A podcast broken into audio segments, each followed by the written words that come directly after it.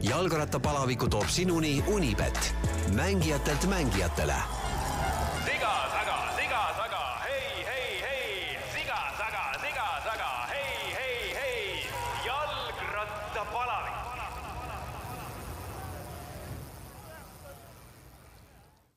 tere, head jalgrattaspordisõbrad! järjekordne saade või podcast on siis eetris, jalgrattapalavik kannab nime ja täna on etteruttavalt öeldes juba meil väga huvitav külaline, kes siin viisteist aastat äh, või isegi rohkem on tegelikult elanud Eestist kaugemal, aga rattasõite jälgib seniajani ja ise nooruses tegelikult ka päris kõvasti jalgrattasporti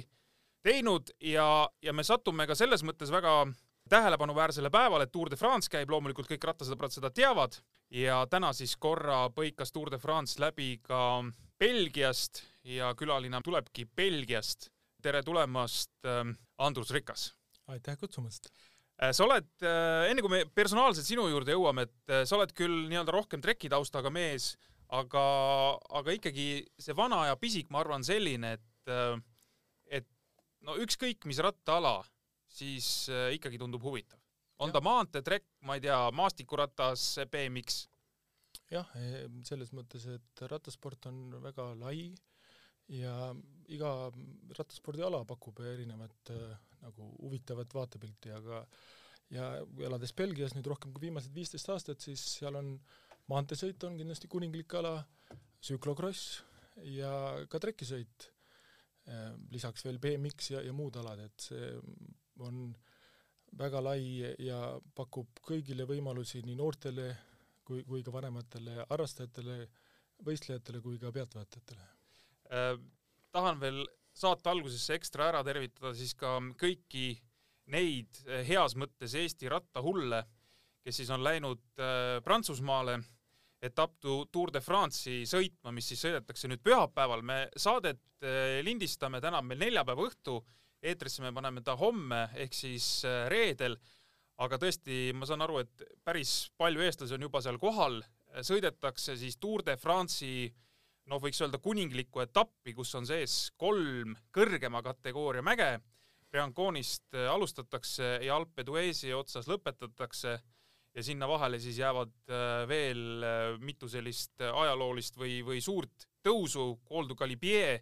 näiteks on, on üks seal ja teine siis peaks olema Col de la Croix de Fer, selline tõus ka, et enam kui neli tuhat seitsesada kilomeetrit, tervitused kõikidele Eesti rattahulludele. Pidage vastu ja ma tean, et teid on seal mitte kümnete kaupa, vaid sadade kaupa. sa ise ei ole mõelnud, Belgia on Prantsusmaale nii lähedal, sa ise ei ole mõelnud, Andrus, et äh, korra sealt läbi põigata või sa oled juba põiganud seal? L'etappe, tuuri etappi ma ei ole küll teinud, kuna ma tavaliselt puhkan juulis, puhkan Eestis, äh, aga olen sõitnud läbi need äh, klassikud, nii Belgia omad kui ka seal lähedal, Roubaix, Amstel,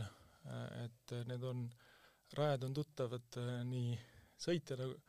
harrastajana kui ka siis seal Eesti koondisele abi pakkudes raja ääres, et äh, äh, sa oled need läbi sõitnud, seal toimuvad siis nii-öelda rahvasõidud? jah, see on nagu avatud rajasõit, sa soetad endale selle pileti ja siis seal seal stardid ja kas sa siis toidupunktis peatud, see oleneb sinust, et osad muidugi stardivad täpselt siis, kui esimene start on ja siis sõidavad ka võidu, et see tähtis ei ole seal võidusõit, tähtis on ikkagi harrastajatele osa võtta. saad numbri ja saad lõpetaja medali ka? saad numbri, saad raja ääres süüa ja saad, saad medali ja saad võib-olla uued sõbrad, aga saad selle emotsiooni. ehk sa oled siis jätkuvalt ikkagi ratta, rattaspordi lainel selles mõttes, et sa ikkagi aktiivselt sõidad?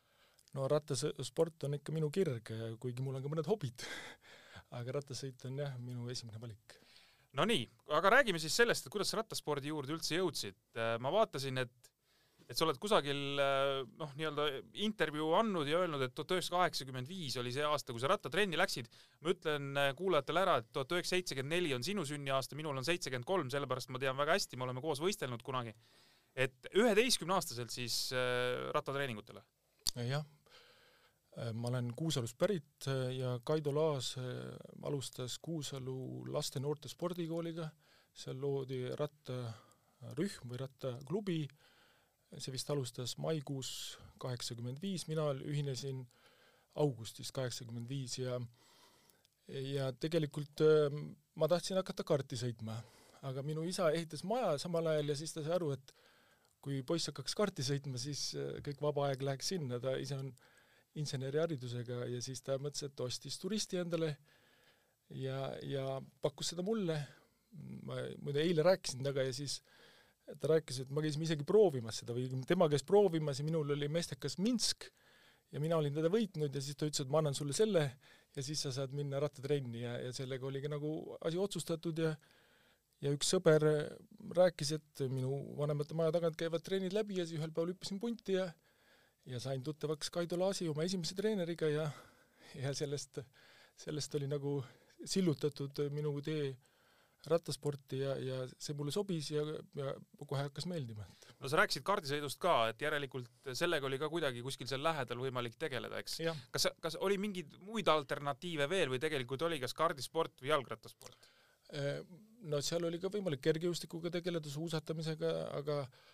aga niisugune natukene tehniline ala kuidagi meeldis mulle rohkem, et võib-olla sellepärast, et ka isa on inseneriharidusega ja insener, et ta on nagu selliseid äh, tehnika asju mulle õpetanud ja, ja see rattasõit tundus nagu huvitav, et see ei ole nii tehniline ala kui nagu kardisõit või mootorisport, aga aga see, see pakkus sellist ikkagi, et sa pead äh, trenni tegema, aga su sõiduriist peab ka korras olema. Äh, ratast meeldis endal putitada ka või ei meeldinud? jaa, ma olen ikka tirri lahti võtnud ja konnasid ja neid neid kuule taga ajanud nii keskjooksust kui kaelakaussidest kui, kui, kui tirrist, et, et saan hakkama, et tänapäeval muidugi neid ei pea tegema, aga aga see oli, ma arvan, et hea kool. nii, üheteistkümneaastaselt hakkas peale, eh, Kuusalu on Tallinna lähedal, ehk siis kõik jutud, maanteesõidud, trekisõidud, krossid, mis tol ajal kõik olid, eks, ehk siis ma tahan sinnamaani jõuda, et sa jõudsid siis tõenäoliselt ka üsna vara, varakult trekile? jah, tegelikult mina alustasingi augustikuus isa turistiga, siis hakkasid sügiskrossid, siis võitsin ära Kuusalu LNSK Äh, nagu öeldakse, sisestel võistlustel kellegi ära, kellel oli võidusõiduratas ja siis sain tema ratta, nii et tegelikult ma alustasin nagu rohkem nagu tsüklokrossiga, mis oli hea, et sa tekid, on rattatunnetus, äh, oskad kukkuda, mis on hea, kui sa oskad metsas kukkuda, siis maantee peal on võib-olla pehmem. ja, ja siis äh, kõik võistlused, noh, kevadel hakkasid tänavasõidud ja ja suhteliselt edukalt nii, nii maanteel tsüklo-, või selles krossis kui, kui ka treki peal, et Äh, sa läksid kolmeteistkümneaastaselt juba tsikki õppima. see on siis mingi seitsmes klass äkki või? jah, äh, see oli äh, kaheksakümmend seitse loodi tsikki esimene kord seitsmes klass ja suvel, need olid, ma arvan, vist mõned, need olid vist Eesti meistrivõistlused trekil ja siis Mati Tabur pakkus sellise võimaluse välja, mis tähendas, et on võimalik rohkem sporti teha, et kaks korda päevas tsikikatel on võimalik õppetöö ja treeningud ühil-, ühildada ja ma tegin selle valiku üpris kiiresti, et ma isegi ei rääkinud oma vanemate ega oma treeneriga, mida tagantjärele äh, oleks võinud seda teha, lihtsalt küsisin oma sünnitunnistust ja septembris kaheksakümmend seitse läksin tsikki. kus sul, kus sul nii vara selline noh, sihikindlus, ütleme, et et sa tahad sellega niimoodi tegeleda, et sa oled noh, põhimõtteliselt ma ei tea, valmis noh, üksi laia maailma minema, ütleme niimoodi, et et okei okay,, Kuusalust Tallinnasse ei ole päris laia maailma, aga ikkagi nagu päris oma elu peale? nojah, see oli esimene samm, aga eks nagu ütled, pead oma sisehäält kostma, kui kuulma, et ja, ja ennast tundma ja siis otsustad selle järgi, et et see tagantjärele võib öelda, et oli õige valik, kuna sellised lühikesed distantsid sobisid mulle, trekisõit seda soosis, aga samas samal septembril ma võitsin, need olid vist Kalevi meistrivõistlused aasta vanematega eraldi stardi, nii et, et see, see ei tähenda, et sa peaksid ainult keskenduma trekisõidule, kui sa suurendad treeningkoormusi, treeningmahtu, kordade arvu, siis paratamatult ka tulemused paranevad, seda nii maanteel, trekil kui ka muudel aladel, kus sa starti lähed, et. No treenerid pidid ka sinus midagi nägema, päris nii ei ole, et ütleme, sina tahad ja, ja võetakse, eks. et on, on su, on sa, mäletad sa midagi, et, et treenerid, miks nad sind sinna tahtsid juba nii vara või on sellest juttu olnud? no ma mäletan, et äh, Kuusalu LNSK-s, kui me tegime trenni, seal olid palju vanemaid poisse ka, et siis alati tegime trenni lõpus finišeid ja ma võitsin mitte aasta, vaid mitu aastat vanemaid poisse ka, et noh, et see finiši tegemine, see nagu sobis, et see oli, see oli jala järgi. ja sealt siis ütleme automaatselt treki peal sul ikkagi sellised sprinterlikud alad äh, sobisid nagu enam? Need olid kohe jah, need selles mõttes, et äh, need mulle meeldisid sellepärast, et seal ei ole ainult jõud, vaid seal on ka taktika. Ja jõud ja taktika, et on võimalik võita tugevamaid äh, hea taktikaga ja see nagu see mängulisus meeldis mulle ka selle trekisõidu juures. kaheksakümmend viis läksid treeningule, kaheksakümmend seitse läksid TSIK-i ehk siis ütleme praegune Audentese spordigümnaasium. Ja veel kaks aastat hiljem, kaheksakümmend üheksa, olid juba Nõukogude Liidu noorte meistrivõistlustel medalil. jah, täpselt nii see oli, et ähm, noh, see oli, kui nii tagantjärgi vaadata, nagu päris kiire areng, aga aga võib-olla see tähendab seda, et tegime õigeid asju. Äh, ma arvan, et Eesti koondis, ütleme trekikoondis Mati Taburi juhtimisel äh, paljud sellised metoodika, paljud sellised äh, võtted, ka liidukoondis võttis neid üle, tegi, me treenisime niimoodi, et meil olid kõrgmäestikulaagrid, meil olid kõrgmäestikulaagris siis suusatamine, rattasõit, maanteerattad olid kinniste ülekandedega, et imiteerida trekisõitu, seal olid üldfüüsiline, seal oli ujumine, et, et selles mõttes, et areng toimus mitte ainult spetsiaalselt trekisõidule, vaid ka et organism ja, ja keha areneks üldiselt, et et just ma mäletan kõrgmäestikulaagrit, kus olid mm,, oli selline lumetorm, et me ei saanud suusatama minna mäkke ja ei saanud rattaga sõitma minna, siis tegime kaks korda ujumistrenni ja siis sa tunned, kui ikka väga hõredas õhuga äh, Mm, piirkonnas teed trenni ja, ja õhku ei jätku basseinis, siis saad aru, et et mis see efekt on ja, ja noh, see tänapäeval on ju väga laialt kasutatav. absoluutselt. Äh, me räägime suusatamisest, mäesuusatamisest, mäest alla laskmisest, ehk siis mäesuusatamisel töötavad samad lihased või lihasgrupid, mis ka sprinteritel rattasõidus. jah, see, see koht, kus me, Eesti koondisega käisime, oli Elbrus, Elbruse mägi, see on kusagil viis tuhat kuussada meetrit, see on Gruusia piiri ääres, ja, ja seal olid päris head tingimused, et äh, mäesuusatamist teha ja seal olid rattad meil kaasas, siis sai ratta, rattaga mäkke sõita, kinnise ülekandega mäest alla oli muidugi natukene keeruline, jalad käisid väga kiiresti ringi, aga, aga ma arvan, et need võtted, mida äh, Mati Tabur või Mati Taburi kool, nagu seal olid ju vanemadki sprinterid, Laaneots ja Valter ja, ja Lill, siis see oli, oli väga õige Eh, taktika ja õige strateegia, mida, mida ta kasutas. Sa tulid siis Nõukogude Liidu noorte meistrivõistlustel pronksile trekisprindis, see on U kuusteist vanus. kas sa mäletad sellest võistlusest ka midagi, on sul mingid, ma ei tea, eredad üleelamised sealt? No võib-olla ma mäletan kahte asja. see oli Moskvas Krõlatskojal, eks? see oli Krõlatskojal mm -hmm. jah, Krõlatskoj on üks väga kiire trekk. ma mäletan esiteks seda, et Eesti koondisega me mm, valmistusime selleks samamoodi seal Elbruse mägedes ja, ja siis ma hakkasin, nagu jäin haigeks ja siis Eesti koondise treenerid lasid mul poolteist päeva puhata, äh, mida ei juhtunud liidukoondises, mida ma võin pärast rääkida, siis, siis see oli nagu oluline, et, et organism hakkas juba vormi jõudma, et sa annad nagu järgi. Ja, ja kõrgmäestikus ongi see, et kui sa jääd haigeks, siis on tegelikult äh, tark sealt alla tulla, siis sa saad kiiremini terveks. see oli üks asi ja ma mäletan ka seid, äh, seda võistlust jah, et see oli väga hea Eestile, Nardjužev tuli, tuli kullale, mina sõitsin pronksile ja siis olid teine koht, neljas ja viies olid lätlased, nii et see oli nagu eestlaste ja lätlaste pidu, et mäletan neid sõite ja tõesti, vorm oli hea ja see oli just see ettevalmistus mägedes, sealt tulime kolm-neli nädalat ennem alla. Ja, ja kõik õnnestus, võiks öelda. et see oligi minu tase, see oli, see oli nagu võidetud pronks. Äh, sa praegu mainisid juba, et Nardjužev sai, sai kulla, ta on sama vana või sama aastakäigu mees nagu sinagi, tuhat üheksasada seitsekümmend neli, ja, ja mainisid ka neid vanemaid mehi seal, Laaneots, Valter ja Lill, ja, ja me paneme, ütleme näiteks noh, Erika Salumäe ka veel sinna, kes oli nagu ütleme, naiste hulgas maailma tipp, et miks see trekisprint tool, tol ajal või tol hetkel nii kõva Eestis oli? no ma arvan, et äh, tegelikult ju need tulemused äh, tulid sellest, et äh, nii Salumäe kui Valter Lill, Laaneots ja ka meie Nardjuševiga tegime trenni nendel trekkidel, kus olid kiired. trekk oli olemas, oli treeningmetoodika, mis töötas ja oli, oli selline hea nagu koolkond. samamoodi me vaatasime Nardjuševiga üles Laaneotsa ja mm, Valteri ja, ja Lille poole, sest noh, nemad olid neli aastat meist vanemad ja, ja nemad olid nagu teerajajad ja, ja noh, see see, see on see nagu koolkond ja see tarkus siis äh, sealt rakendus, et, et kui küsida, et kus täna trekisõit on Eestis, siis võiks seda lihtsalt öelda, et trekisõit on surpless ehk siis seisak on trekisõidus. jah, ega seda seisakut enne murda ei saa ka vist, kui siia tuleb vähe teistsugune trekk, kui seal Pirital praegu on. jah, et kindlasti oleks Eestis vaja trekki, sisetrekki ja oleks äh, seda vaja mitte ainult trekkisõidul, seda saavad ka maanteemehed kasutada, seda saavad ka kasutada äh, poisid-tüdrukud, sealt võib-olla leiaks andekaid sõitjaid, kes ei taha minna maanteele, kes ei taha krossi sõita, ja ütleme, need, ähm, need mitte kõige paremad treeningajad harrastajad ka kataksid ära, pluss saaks ju kasutada selline multifunktsionaalne, et seal saavad ka muud spordialad äh, rakendada ennast ja neid võimalusi kasutada. Kui sa nii noorelt hakkasid äh, juba tegelikult Äh, noh, igal pool tiirlema, ütleme, olid äh, siin Eesti koondised, hiljem liidukoondisest me räägime,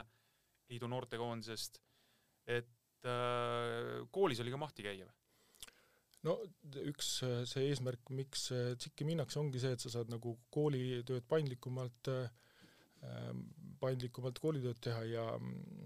ja muidugi liidukoondises, kui me olime, siis oli, me käisime kohalikes koolides ma olen käinud Jalta neljandas keskkoolis näiteks, noh, seal õppisime füüsika, matemaatika, keemia, inglise keel, sellised põhiained, reaalained, ja samas ka Eesti koondisega äh, Mati Tabur järjestas nii, et oli üks, üks õpetaja, kes andis füüsikat, keemiat, matemaatikat, noh, reaalainete õpetaja, et, et, et see paindlikkus oli TSIK-i poolt olemas ja see,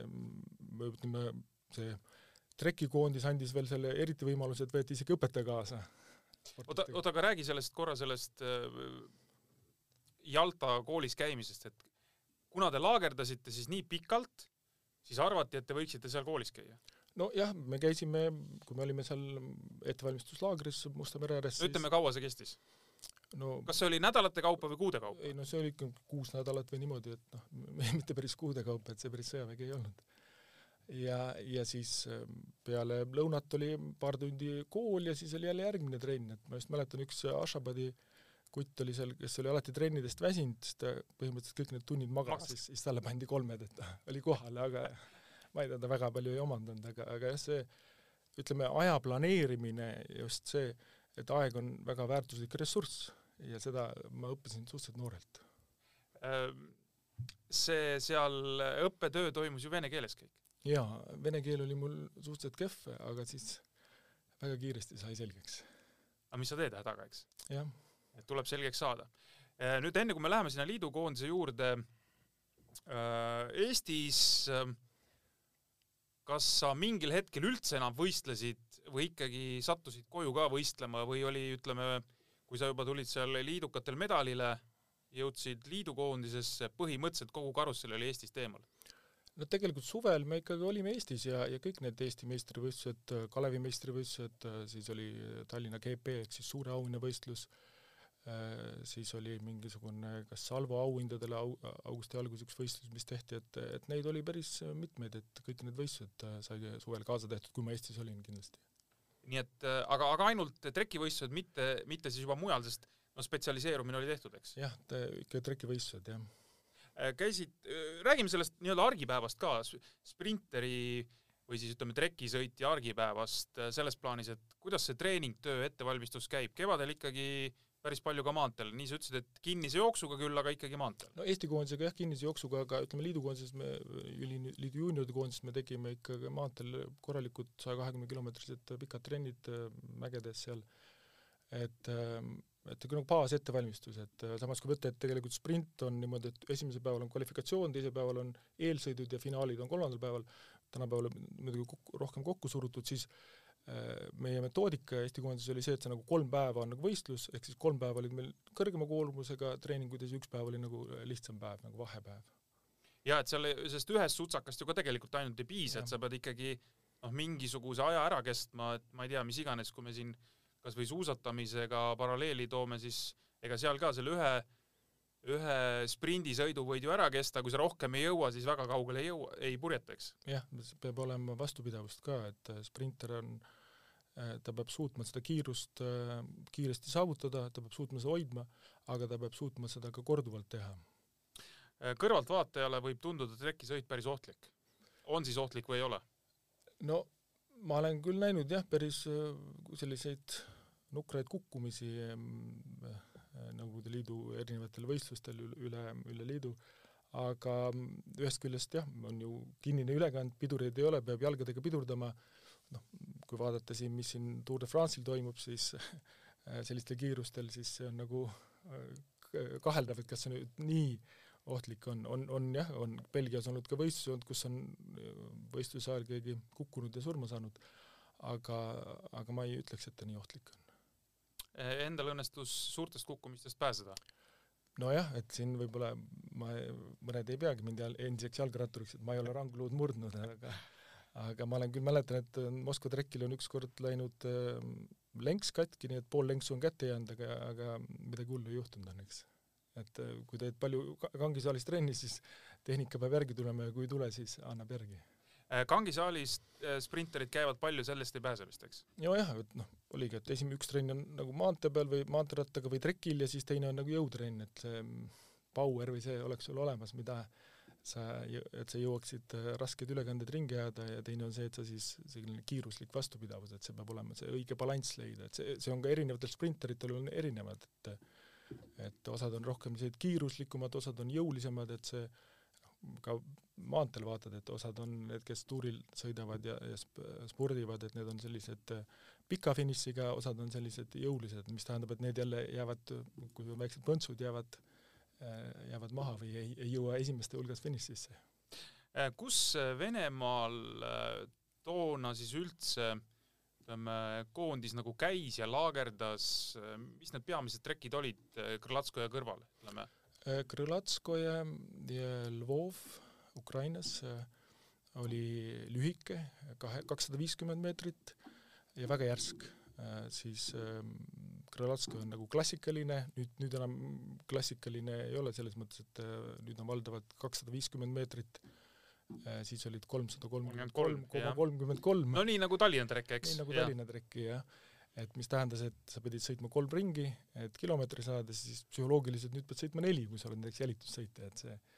aga, aga ma arvan, et ähm, trekisõit annab head kiiruslikku vastupidavust äh, ka maanteesõitjatele, et see, see ei tohiks olla nagu selline, et kui sa hakkad trekki tegema, et siis sa maanteel ei saa, et näiteks kui mina juunioride MM-il käisin, siis äh, selle võitis Ivan Quaranta, kes siis peale trekisõitu läks äh, maantee peale, keskendus, võitis mitu etappi Girol, isegi Cipolinit on Girol võitnud, nii et noh, on täiesti, transformeeris ennast ümber trekisõitjast äh, maanteesõitjaks ja, ja heaks sprinteriks, et jaa, neid näiteid on siin hiljem äh, hollandlaste puhul ka, aga Quaranta on jah, päris, päris hea ja edukas näide nii-öelda, eks. kuigi tal noh, nende mägede ületamisega või nii kui mingid põntsud sisse viskas, oli, oli keeruline aga samas ikkagi jah, oli etappe, kus ta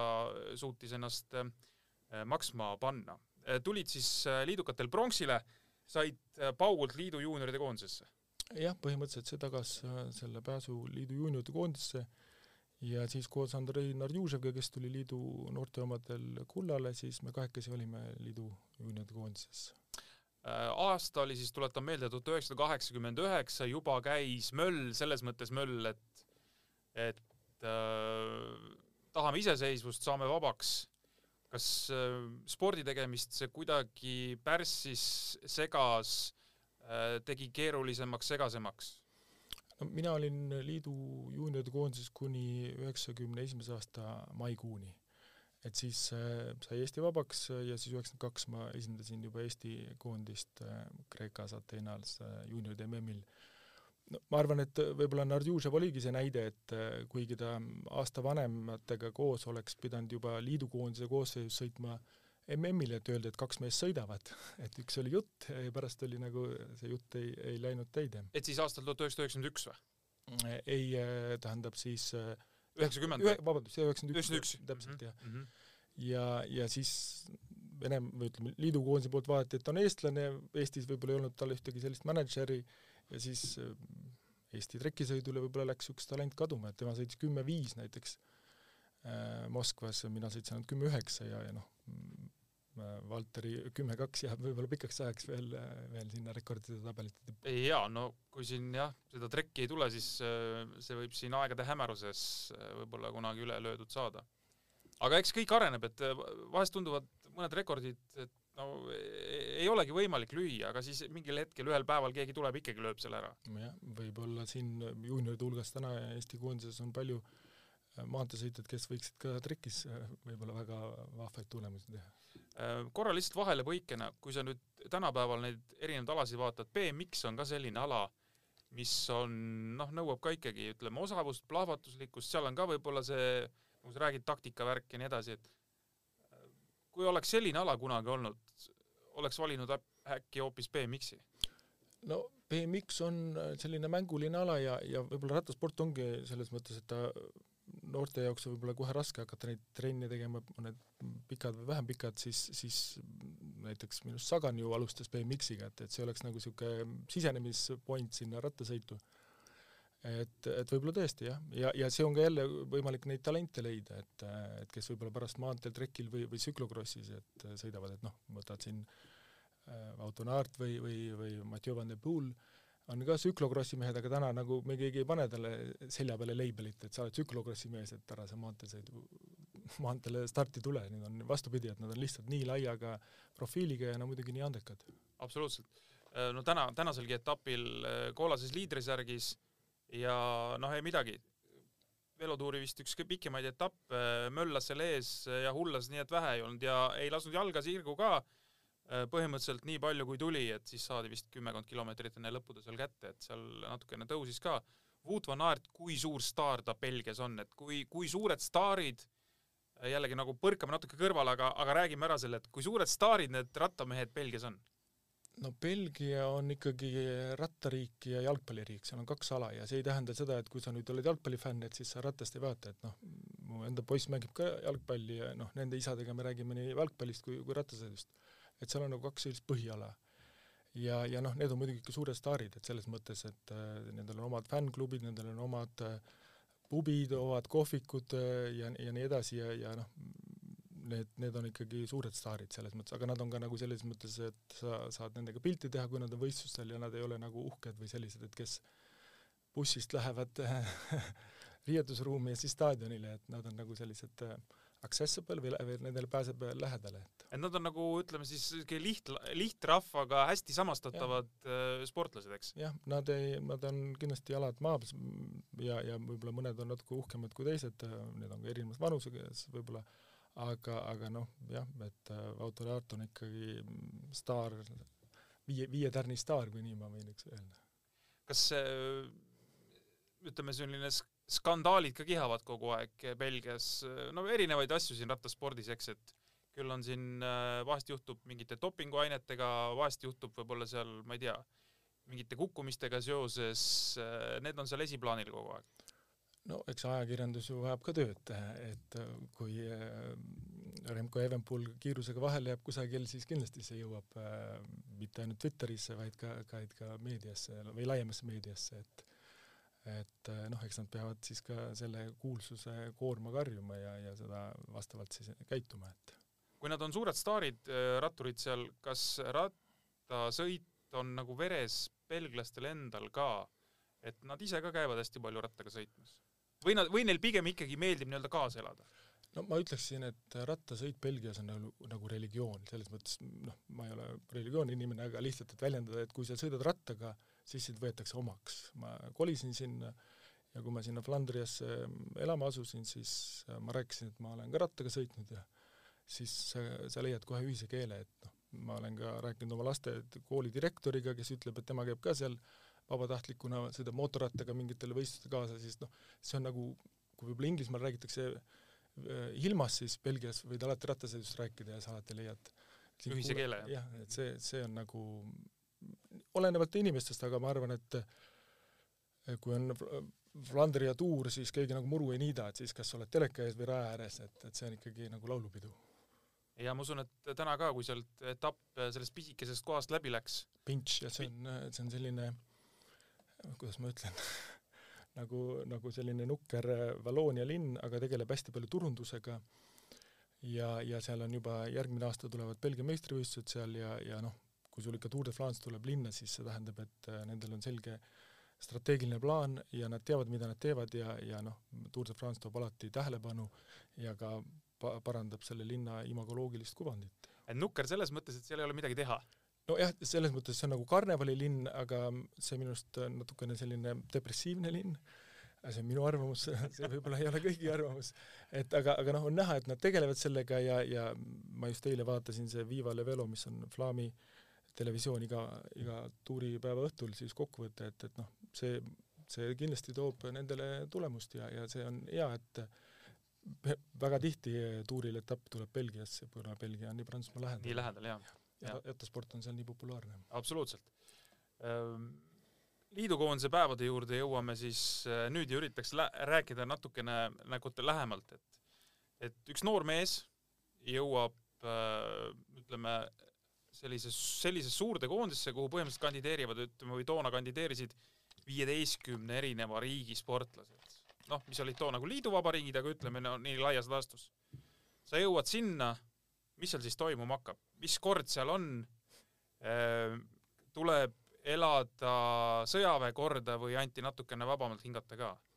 no kaheksakümmend üheksa ma just vaatasin huvi pärast vist äh, statistikat, siis ähm, Nõukogude Liit oli rahvaarvult kolmas maailmas, et, et, noh, mina ise hindan nagu oma seda noorte pronksi nagu niisugust Euroopa meistrivõistluste äh, medalit. minu lapsed äh, seda järgi teha ei saa, sest et seda äh, enam seda ei eksisteeri. ei eksisteeri. aga kord oli ikka karm selles mõttes, et me tegime neli korda päevas trenni hommikvõimlemine, hommikusöök, siis oli esimene trenn, mis oli tavaliselt kas maanteel, siis oli lõuna, siis oli kool, see kaks tundi, millest me lühidalt rääkisime, siis oli teine trenn, mis oli tavaliselt jõutrenn, kangitrenn, mäletan seal kusagil Musta mere ääres, seal ei olnud kangisaalis, see oli mingi teatrisaal, kus me, oli pandud lava peale need äh, igasugused äh, antlid ja ja kangid, et tegime nagu, tegime nagu esietendust seal. ja, ja siis oli õhtusöök ja siis oli, oli veel ujumine nagu selline tund aega rahustav või, või lõõgastav treening. et, et treeningkoormused olid suured. see ära ei tapnud otseselt või vaata, sa rääkisid sellest, et, et tegelikult sina lõpetasid suhteliselt vara, Nardjužev lõpetas suhteliselt vara, seal võisid olla teised põhjused, aga võib-olla ka vaim juba nii-öelda väsis ära, et kuna seda oli kogu aeg hästi palju. Jah, see õige tähelepanek selles mõttes, et ma mingi aeg tagasi lugesin oma neid liidukoondise aegseid äh, treeningpäevikuid ja tegelikult oli ikka päris depressiivseid olukordi seal vahest, et noh, okei okay,, me olime need, nagu öeldakse, välja valitud, kes said sinna koondisse, me saime trenni teha, seal ma jäin ka korra haigeks, siis pidid ikka trenni tegema, kui oli palavik seal kolmkümmend seitse, kaheksa, pidid pukki sõitma, maanteel ei läinud, aga kui üle kolmekümne kaheksa oli, siis võisid olla toas. ja noh, siis sa said aru, et kui olid paar päeva haige, ja trenni ei teinud ja siis läksid trenni, siis sa lihtsalt sõitsid teistelt eest ära, seepärast et sul oli noh, organism saanud paar päeva puhata, et koormused olid suured, aga noh, mina ei lõpetanud sellepärast ära ja, ja noh, Nardjuževil olid ka seal teised isiklikud põhjused ja ja võib-olla natuke jäi sinna selle liidu lagunemise taha, et see on ka asi ja ei olnud sellist mänedžeri, ma vaatan tänapäeval neid, neid noori juunioreid, nad on nagu teadlikumad, nad juba paremini teavad, mida nad tahavad ja ja nendel on seda internetiavarustest ka palju tarkust omandatud, ma ei tea, kas need kõik hea, head on omadused, aga aga, aga selline teadlikkus on olemas, aga koormused olid suured, jah. Käisid sa liidukoondisega kusagil võistlemas ka või, või ikkagi jäigi rohkem selline laagerdamine ja ütleme siis liidusisesed võistlused, et kusagile välja väga ei saanud? ei saanud jah, et see oli kõik liidu, liidu sees. ma just mäletan TSIK-is ka käies seal tennisistide ja teistega rääkis, et tegelikult noh, meil oligi see, et ma käisin Eesti koondisega väljas, et see sport oli sellel ajal nagu ka võimalus välismaale saada, et ma olen käinud, see esimene reis oli Bulgaariasse ja Soome, et noh, see oli nagu, sportlasena oli see nagu kuidagi lihtsam ja, ja läksid võistlema. et tänapäeval sellist, sellist probleemi ei ole, eks sellist tõket ei ole, et, et neid tõkkeid ületada. aga mis liidukoondise aegadest nagu kõige rohkem meelde on jäänud, ma ei tea, mõni, mõni episood, mõni võistlus, mõni kordaminek? no ma ütleks, et et meile ikka korduvalt räägiti, et meie eesmärk on trenni teha ja puhata, me elasime Inturisto hotellides, mis on siis tänapäeva mõistes nagu niisugused neljatärni hotellid, ja õhtul oli kohustuslik kell üheksa vaadata Vremjat, et selline propaganda oli seal täitsa olemas ja noh, vahest seal ka arutasime asju, et ma just mäletan, et Nardjužev oli väga eestimeelne ja rääkis, et, et Eesti saab vabaks ja, ja iseseisvus ja, ja noh, majandus on nagu mingi loogika järgi kasvab, mitte sellest, et et keegi omandab kellegi, kellegi, kellegi kaupu või et, et ei olnud sellist äh, korruptsioonilist äh, mõtlemist, et, et, et see mõtlemine oli küll seal väga paljudel kahjuks. Äh, tuhat üheksasada üheksakümmend üks oli veel rahvaste Spartakiaad. ma tean, et maanteemehed seal käisid võistlemas, kuidas trekisõitjatega oli, et ma ei tea, kas sa selles mõttes üldse sinna nagu võisidki pääseda, sest noh, nii nagu me rääkisime, see plejaad oli tegelikult päris võimas ja, ja siin ju äh, Äh, Laaneots ju kandideeris tegelikult üheksakümmend kaks olümpial veel Barcelonasse ka, et noh, palju ei olnud puudu, et oleks võinud võistelda seal. et äh, kas sa mäletad, trekimehed käisid veel rahvastes Spartakiaadil või ei käinud? ei, mina, mina isiklikult ei ole käinud ja ma ei tea, kes, kes sellel Spartakiaadil käisid, aga, aga jah, et kuna ma üheksakümmend üks tulin ähm, maikuus äh, liidukoondisest ära, et siis juba hakkasid Eestis need sündmused õiges suunas minema ja, ja siis ma äh, tekkis see võimalus, et siis Eesti mm, koondisega minna tiitlivõistlustele. üheksakümmend üks, kui sa tagasi tulid, kas sellist hetke ei tekkinud, et äh, noh, polnudki nagu kusagile tulla, no selles mõttes, et okei okay,, sa tuled tagasi, aga ma ei tea, sul ei ole äkki ratast, sul ei ole kellegiga koos trenni teha äkki, kas mingeid selliseid muresid ei olnud? Äh, nojah, Nardjužev näiteks minu arust oligi üheksakümmend üks aasta, kui, kui ta jättis maha, et aga noh, seal oli üks on see, et ta ei, ei pääsenud sinna liidukoondisega MM-ile ja siis olid tal isiklikud seal mõned küsimused äh,. Aga noh, ma käisin veel TSIK-is, ma lõpetasin üheksakümmend kaks äh, juunikuus TSIK-i, et, et äh, mul oli internaadis ühiselamustuba ja ja rattad olemas ja, ja varustus ja, ja ka need treeninglaagrid ja võistlused. Äh üheksakümmend kaks, sa juba rääkisid, käisid juunioride maailmameistrivõistlustel Kreekas, et see siht oli ikkagi nagu silmes, et see hoidis, kas võib öelda, et see hoidis kuidagi spordi juures või, või noh, nii või naa oleks kooli lõpuni igal juhul sporti teinud? no selles mõttes, et äh, need aastad, äh, mis mind liidukoondisse viisid ja, ja ka seal olles, siis ma sain aru, et äh, et selliste mahtudega ja selliste metoodika, metoodikaga treenides on võimalik ikkagi võistelda kõrgel tasemel, mäletan vist kas see oli üheksakümmend üks, olid mingid ametiühingute võistlused Pensas või Tuulas kusagil ja siis peale seda lendasime otse Moskvast Eesti koondisega äh, Taani ja siis me Nardjuževiga kordamööda võitsime neid. ja siis järgmine päev nad muutsid seda auhinnarahade süsteemi, sellepärast et muidu me korjasime kõik need auhinnarahad ära, et siis oli nagu päevapeale, et et, et noh, selles mõttes me saame aru, et see ikkagi meil jalad käisid ikka päris kiiresti. et olite tugevad, ühesõnaga, te saite aru, et te olite tugevad? see tähendab ka seda, et noh, sul, sul on see stiimul on ju edasi nii-öelda, kas sa nende liidukoondise meestega, kas või seesama üheksakümmend kaks, kas sa nendega ka seal trehvasid, äh, sa rääkisid, et seal olid võib-olla lätlased ja ma ei tea, kes seal veel, et nemad võib-olla olid ka oma riigi eest juba väljas või? Äh, sellel MM-il, mis üheksakümmend kaks septembris mulle viimaseks jäi nagu tegevsportlasena rahvusvahelisel areenil, siis, äh, siis sellel võistlusel tuli kolmandaks, ehk siis juunioride pronksi oli üks ukrainlane, kellega ma koos olin, kellega ma juunioride koondises? juunioride koondises ja kellega me olime üpris võrdsed. Et, et selles mõttes ja, ja noh, lätlased, keda ma siin augustis üheksakümmend kaks ähm, Tallinna GPL ähm, võitsin, osasid neist ja noh, need sõitsid seal kusagil kümnenda koha peale, et, et selles mõttes, et noh, ma umbes ta-, tajusin, et mis see tase on, et noh, ma mäletan näiteks, kui siin kaks aastat vanemad äh, olid juunioride MM-il, sõitsid lätlane nagu Kiksis äh,, siis näiteks temal ei olnud mingeid emotsioone, kui ta võitis liidukoondise, liidu, liidu meistrivõistlused, juunioride meistrivõistlused ära, sellepärast et ta teadis, et see on nagu üks etapp, et noh, ta valmistus MM-iks, aga ta teadis, et ta pidi tulema liidu meistriks, et siis minna eh, MM-ile, et, et noh, see oli nagu see kadalipp, eh, see liidu süsteem, mis tähendab, et kui sa sealt eh, süsteemist läbi lähed ja, ja võidad tiitlivõistlused või saad kahe parema hulka, kes siis MM-il saadakse, siis tõenäoliselt on, on nagu üks medal kindlustatud, ütleme, eks? nojah, mhm. põhimõtteliselt mm -hmm. kindlustatud, kui midagi äpardust ei juhtu. Äh, olite te liidukoondises ähm, omavahel sellised head konkurendid või, või oli seal selliseid hetki ka, et et äh, keerati lenksu lahti ja lasti kummi natuke tühjemaks ja mis iganes? ei, selliseid asju ma küll ei mäleta, et ma kuidagi nagu respektiga võeti meid, äh, nii mind kui Nardjuževit ja, ja ja noh, näiteks seal lätlasi ei olnud, lätlased jätkuvalt ikka tegid nagu omaette oma, et mm, -hmm. et noh, see oli nagu võimalus minna sinna ja ja, ja noh, eks Mati Tabur luges ka meile sõnad peale ja andis natuke nagu niisugust siseinfot ka, et mida, mis on nagu vaja teha ja mida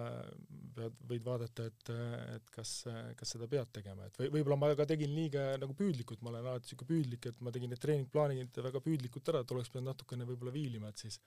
ei oleks haigeks jäänud ja ei oleks neid raskusi tulnud nii palju. Tänapäeva noorsportlastel on võrreldes selle ajaga, millest me praegu räägime, natukene keerulisem. ma pean silmas seda, et tänasel päeval sõber teeb midagi muud ja sõbrale läheb juba hästi, sina teed sporti,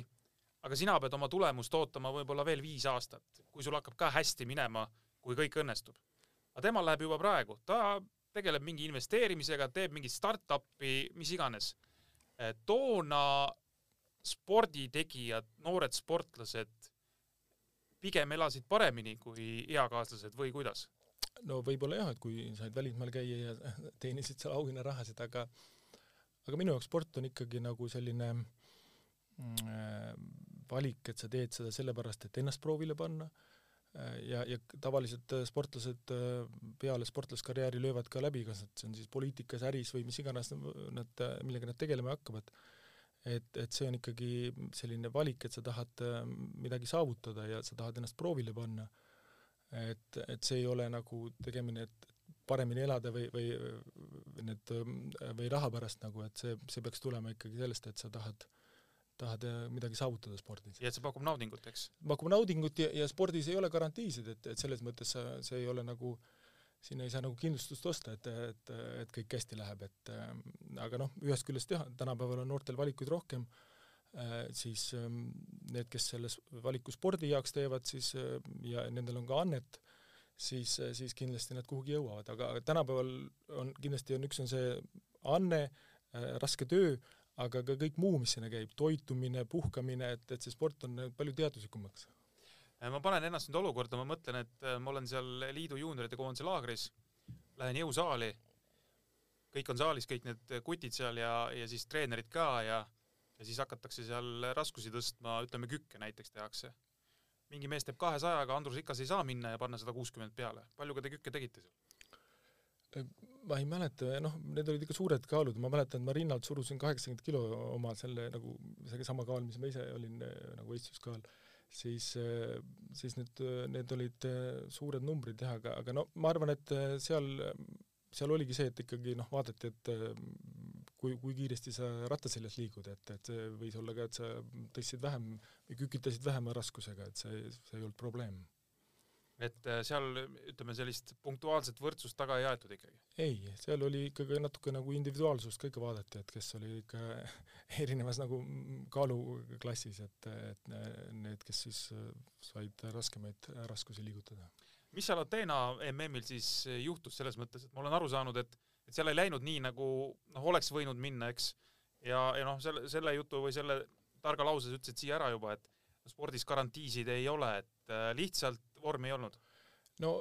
üks põhjus oli see, et äh, ei olnud võistlusi äh,. viimased võistlused olid augusti alguses äh,, juunioride MM oli septembri lõpus. et siin pidime Taani võistlema minema, jäid viisad vormistamata, no nagu sellel ajal see oli paras, paras peavalu oli see, jaa. nooremad mehed võib-olla ei saa aru, mis tähendab viisade vormistamine et äh, ja, ja noh, kui ei ole võistlusi, võid küll mootorrattadega Pirital trekil trenni teha ja mootorratast mööda sõita, aga, aga sellist võistlusmomenti ja, ja seda ei ole, et siis see, see oli üks ja siis aklimatiseerumine ka, et see kuidagi see võistluspäev, kvalifikatsioon just sattus sellele päevale, äh, kui mul oli väga kehv minek, siis sellega ei õnnestunud edasi saada, et, et siinkohal hea võimalus tänada oma esimest treenerit Kaido Laasi, kes hoolitses selle eest, et mina sain lennukiga minna MM-ile, et aitäh talle selle eest Äh, ühesõnaga, trekisprinteril võib olla päris kurb võistlus, et kui asjad ei õnnestu, eks, lähed, sõidad kakssada meetrit ja ongi kõik. jah, et jah nii, nii see on jah, et, et seal oli veel mingisugune demonstratiivala või nagu sihuke uus ala oli treki sprinterite grupisõit, aga, aga siis oli nagu motivatsioon oli maas, et seda ma sõitma ei läinud, seal oli ka hirmus kukkumine, et võib-olla, võib-olla läks õnneks, ma mäletan, et siis oli maanteevõistlused olid ka seal ja Erkki Pütsepp oli siis kaks aastat noorem, sõitis lõpuni kaks aastat vanematega, nii et et noh, temal oli palju pikem distants, sai, sai tulemuse kirja, minul jäi ainult kvalifikatsioon. jaa, kusjuures ma isegi vist äh, kas mitte need äh, Eesti maantee juuniorid ei valmistunud selleks võistluseks Saaremaa velotuuril, minu arust nad tulid mingite päris ägedate eraldistardiratastega sinna ja nii edasi, et äh, ja Pütsep võitis seal selle Saaremaa velotuuri meeste ees ka veel ära, nii et äh, oli juba päris, päris kõva äh, tol ajal. aga sul lõi siis kuidas ma ütlen, pea puhtaks ja, ja rohkem ei tahtnud? no tsikk oli lõpetatud äh, kevadel ja, ja nagu olidki nagu lahtise küna ees jah, et äh, võib-olla oleks pidanud siis keegi mind mõtlema, et kuule, Andrus, nüüd keskendu maanteele ja võib-olla sealt oleks veel midagi tulnud, aga noh, ühest küljest on see kõige suurem läbikukkumine, teisest küljest on see hea õppetund ja sellest ma olen palju võitnud, ma spordist ma olen palju võitnud, sellist tahtejõudu ja saavutus, vajadust ja, ja ennast maksma panna, ennast ka proovile panna ja tuletame meelde, et ajad olid toona ikkagi nagu keerulised, et seal ei olnud, ütleme noh, nii-öelda sellist stabiilsust, kui meil siin täna on, et ega seda Eesti kroonigi liikus päris vähe, eks. jah, ma just vaatasin, mul olid mingid pildid, kus oli seal mingi Vinkler, oli mingi ehitusfirma, kes äh, toetas meid sellel MM-il, olid Varustus ja, ja Silves Enterprise, need, kes teavad, kes, kes mäletavad. Sattusid siis äh, mingil hetkel ka jalgrattaspordist eemale jah, muide vist kas seitse-kaheksa aastat peale seda juunioride MM-i ma tulin veel äh, Italiankas äh, Eesti meistrivõistlustel medalile. seal oli vist, äh, ma ei tea, kas Adutsoni ja Kalev Vistiga sõitsime, et aga seal oli väga vähe meeskondasid, nii et Tallinna trekil siis, eks, jah? See on umbes sama aeg, kui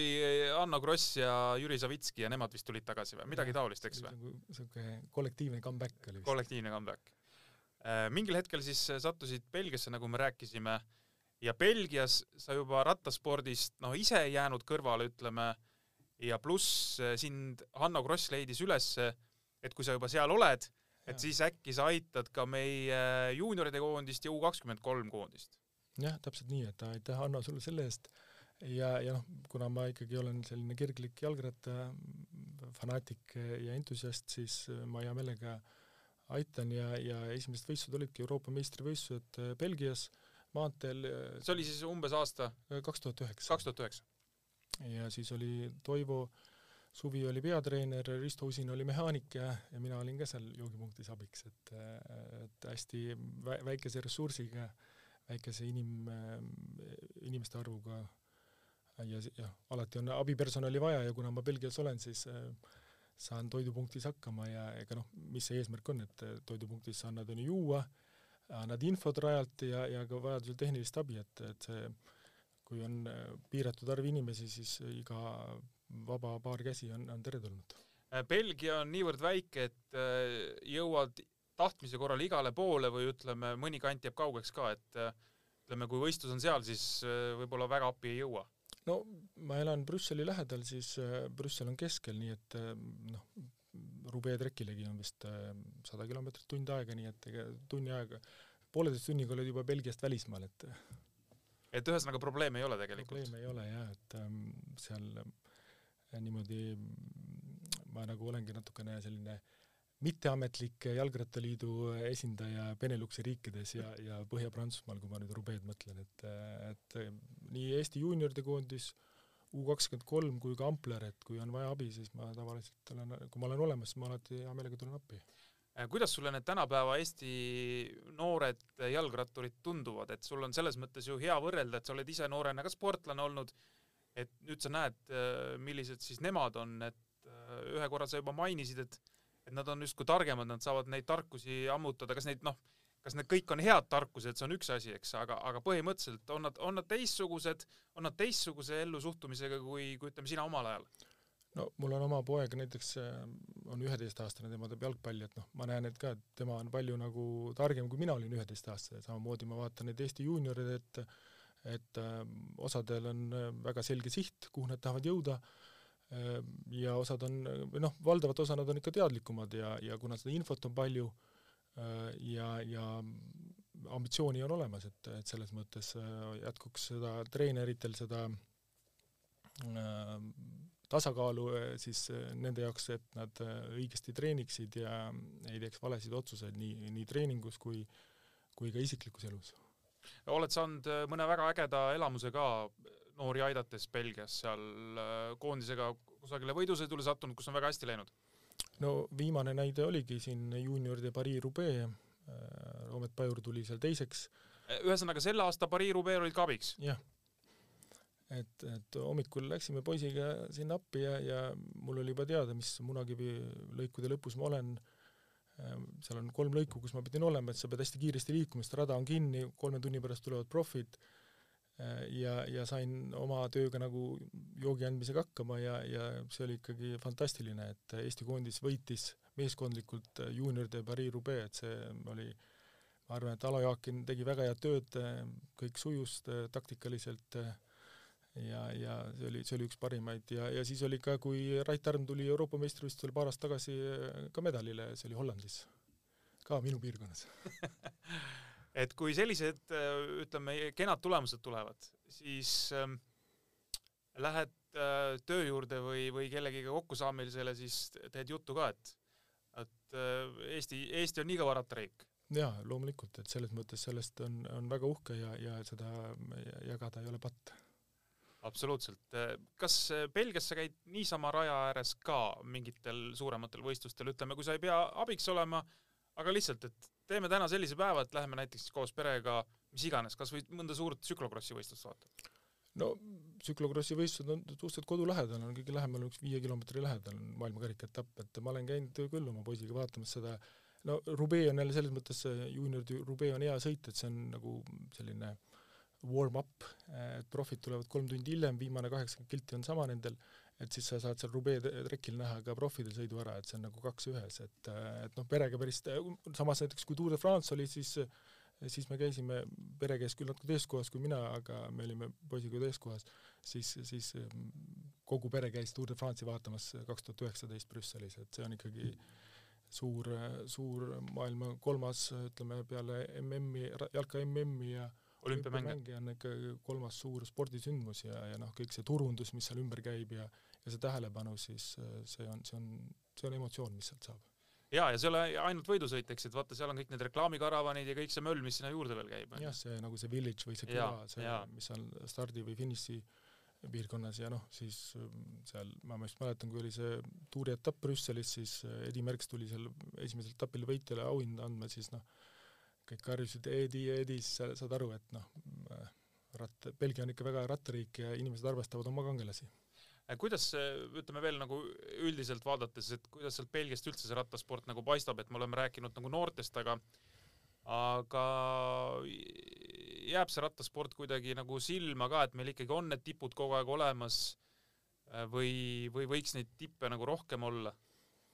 no tänane seis on päris hea, et eh, ma vaatan juunioride hulgas on väga head, U kakskümmend kolm, ma ei teagi, kuidas meil täna Portugalis läks, grupisõidud tulevad ei, täna lahes. oli ainult äh, juunioride eraldi stardid kohad teises kümnes. okei okay,, aitäh info eest. et, ähm, et noh, ma näiteks vaatasin eile, et belglasi on World Touris kas kuuskümmend kaheksa või kuuskümmend üheksa, siis eestlasi on neli, minu teada on kolm, aga võib-olla see statistika eksis. nii et noh, tegelikult võiks olla World Touris rohkem eestlasi et, et mitte ainult World Touris, aga et ka selles pro-kontides, et, et noh, loodame, et nüüd need juuniorid ja U kakskümmend kolm sõitjad äh, leiavad selle õige tiimi, et noh, näiteks Martin Laas oli ka ju äh, telkos seal Marseille klubis, noh, sõitis selliseid sõite, mis talle ei sobinud, et see on nagu, et sul on hea mänedžer, äh, mis on tegelikult väga tähtis tänapäeval spordis ja just rattaspordis, et ta leiaks sellise tiimi, kus, mis sulle sobib ja et sa saad ennast näidata, et, et sa ei pea ainult vett vedama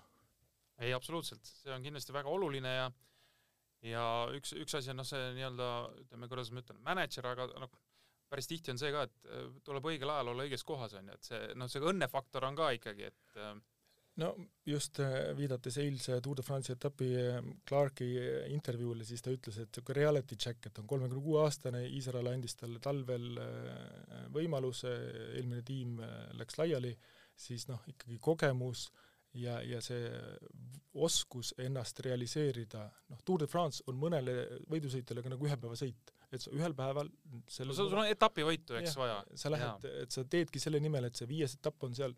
munakivide peal, sa tead, kuidas nendest üle sõita ja tead, kuidas sinna jooksikute hulka saada ja ja noh, neid olukordi, neid võidusõite on aina rohkem ja rohkem, kus jooksikud jäävad ette, kuigi see info on olemas, need raadio on olemas, aga, aga see teebki selle asja minu arust huvitavamaks, et, et kogu see suur peleton ei suuda jooksikuid kinni püüda ja, ja võidab, võidab jooksikud, jooksikute grupist keegi. kui sa nüüd oled Belgias, elad põhimõtteliselt alaliselt Belgias, sa ütlesid, et sul poiss teeb jalgpalli, kui tahaks teha rattasporti, palju neid rattaklubisid sul ümberringi on? kas, kas, kas see on niimoodi, et, et ma ei tea, igas linnaosas on mingi oma klubi olemas või? no ma elan Flandrias, Brüsseli eeslinnas või Brüsseli lähedal, siis seal on üks rattaklubi küll, kus ta käib, aga ta käib sellepärast rattatrennis, et paremaks jalgpalluriks saada aga neid klubisid on rohkem ja tegelikult on ka selline, selline ootejärjekord, et kui vahepeal ta ei käinud seal, siis pidime vahepeal ootama, et, et jälle saada, et, et neid, neid on rohkem kui mitu. Oota, mis see tähendab, et pidid ootama, et no, saada nagu ootelistis, sellepärast et seal on nagu mingi hulk, keda, keda treenerid saavad võtta vastu. korraga ütleme, saavad, et kui seal on näiteks, võetakse kolmkümmend last, siis kui sa oled kolmekümne esimene, siis sa pead ootama? nojah, et kui keegi ära kukub mm, -hmm. et see on nagu okay., kui sa oled aastaks registreerinud, siis sa saad äh, aasta kaasa teha, et et ma just vaatasin, et ähm, Belgia, noh, Belgia on nagu väga selline mitmetahuline riik, kuna see koosneb Brüsselist, Vallooniast ja, ja Flandriast, siis äh, kusagil üksteist ja pool miljonit elanikku, siis äh, Flandrias on ütleme kuus miljonit, siis üks koma kolm miljonit äh, harrastajat on seal, kes harrastavad kolm korda nädalas, sõidavad rattaga, kulutavad iga ütleme, sama palju harrastajaid kui Eestis elanikke? jah, et noh, näiteks need, kui sa oled selle Flandria ma olen kohalikus rattaklubis liige, mul on seal kindlustus, siis see, see kuu või, või kahe kuu tagant äh, tuleb ajakiri, see on mingisugune tiraaž on seitsekümmend tuhat, et noh, need mahud on lihtsalt nii suured, need äh, rattasport on nii, nii suur ja oluline ja seal müüakse ka palju rattaid ja, ja palju ka elektrirattaid ja palju sõidetakse ka äh, tööle ja Brüssel on selles mõttes ja need teed, mis Brüsselisse viivad, on palju arenenud et, et noh, lihtsalt see, see hulk on nii suur, et sa pead, pead hästi vaatama, kui sa ka pühapäeval klubiga sõidame, et sa seal teistele otsa ei sõida, et noh, kõik peavad ära mahtuma, nii need, kes seal jalutavad koeraga, lastega või, või lihtsalt sõidavad rattaga ja kui need, kes siis kihutavad natukene. aga Belgias ütleme, treeninguid sa teed siis noh, meie mõistes kergliiklusteel või spetsiaalsel rattateel või ikkagi maantee, maantee peal käiad, käite ka siis ütleme, kus autod no, sõidavad no,? Belgias on nii, et kui on ikkagi rattatee, siis me sõidame rattatee peal, seal on niimoodi, et kui on nagu grupp kaheteistliikmeline, siis sa võid ka sõita maanteel. alates kaheteistkümnesest või? jah, et, et noh, kui on vahest pühapäeval me sõidame ka vähema grupiga, et siis pühapäeval on liiklust vähem, aga, aga kui on rattatees üldiselt rattatee peal ja kui ei ole, siis ikka tee ääres, et et ähm, noh, seal on, on nagu sõita igale poole võimalik ja, ja neid äh, võimalusi ja teid on rohkem. oled sattunud äh, mõne kuulsusega koos treeningule ka, et äh, neid ju ka liigub vist päris palju seal? jaa, siin just, ma ei tea, kas see nüüd see kevad sõitsime, oli see Tibo Nice ehk siis Sven Nice'i poeg tegi trenni, sõitis meist mööda, et, et noh, selles mõttes ongi, need ratturid on nagu äh, teevad ka samamoodi trenni nagu harrastajadki nende samade teede peal ja siis on meil üks ring seal, mis on see Remco Evenpooli ring, kus tema trenni teeb, noh, kõik on ju Sporsas või selles Stravas äh, on, on nagu avalik, et, et, et siis tekivadki sellised äh,, lähme teeme täna Remco ringi või teeme selle BMC, mis on nagu siis äh, äh, Bosberg äh,,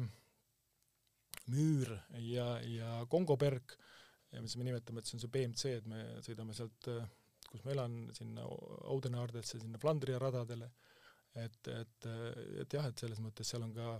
Gilbert'il oma, oma võidusõit ja ja ma mäletan, et sügisel oli Taaramäe klubi tegi mingisugune harrastajate sõidu, ma kahjuks ei saanud seal osaleda, aga aga noh, selles mõttes need harrastajaid ja need profitiimid eh, ikkagi üritavad eh, nagu selliseid võimalusi anda nendele, kes siis tahavad profidega koos sõita hooaja lõpus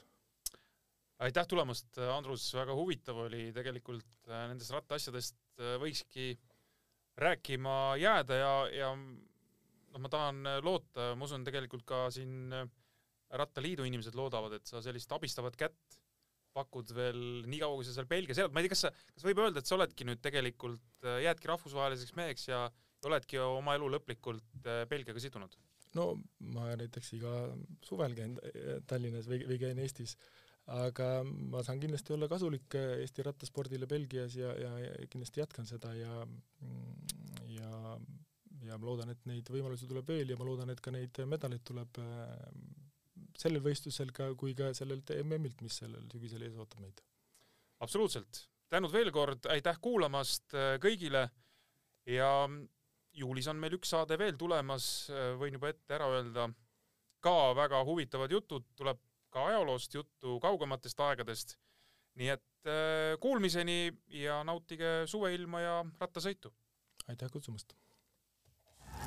siga taga, siga taga, hei, hei, hei, siga taga, siga taga, hei, hei, hei, jalgrattapalavik. jalgrattapalaviku tõi sinuni Unibet, mängijatelt mängijatele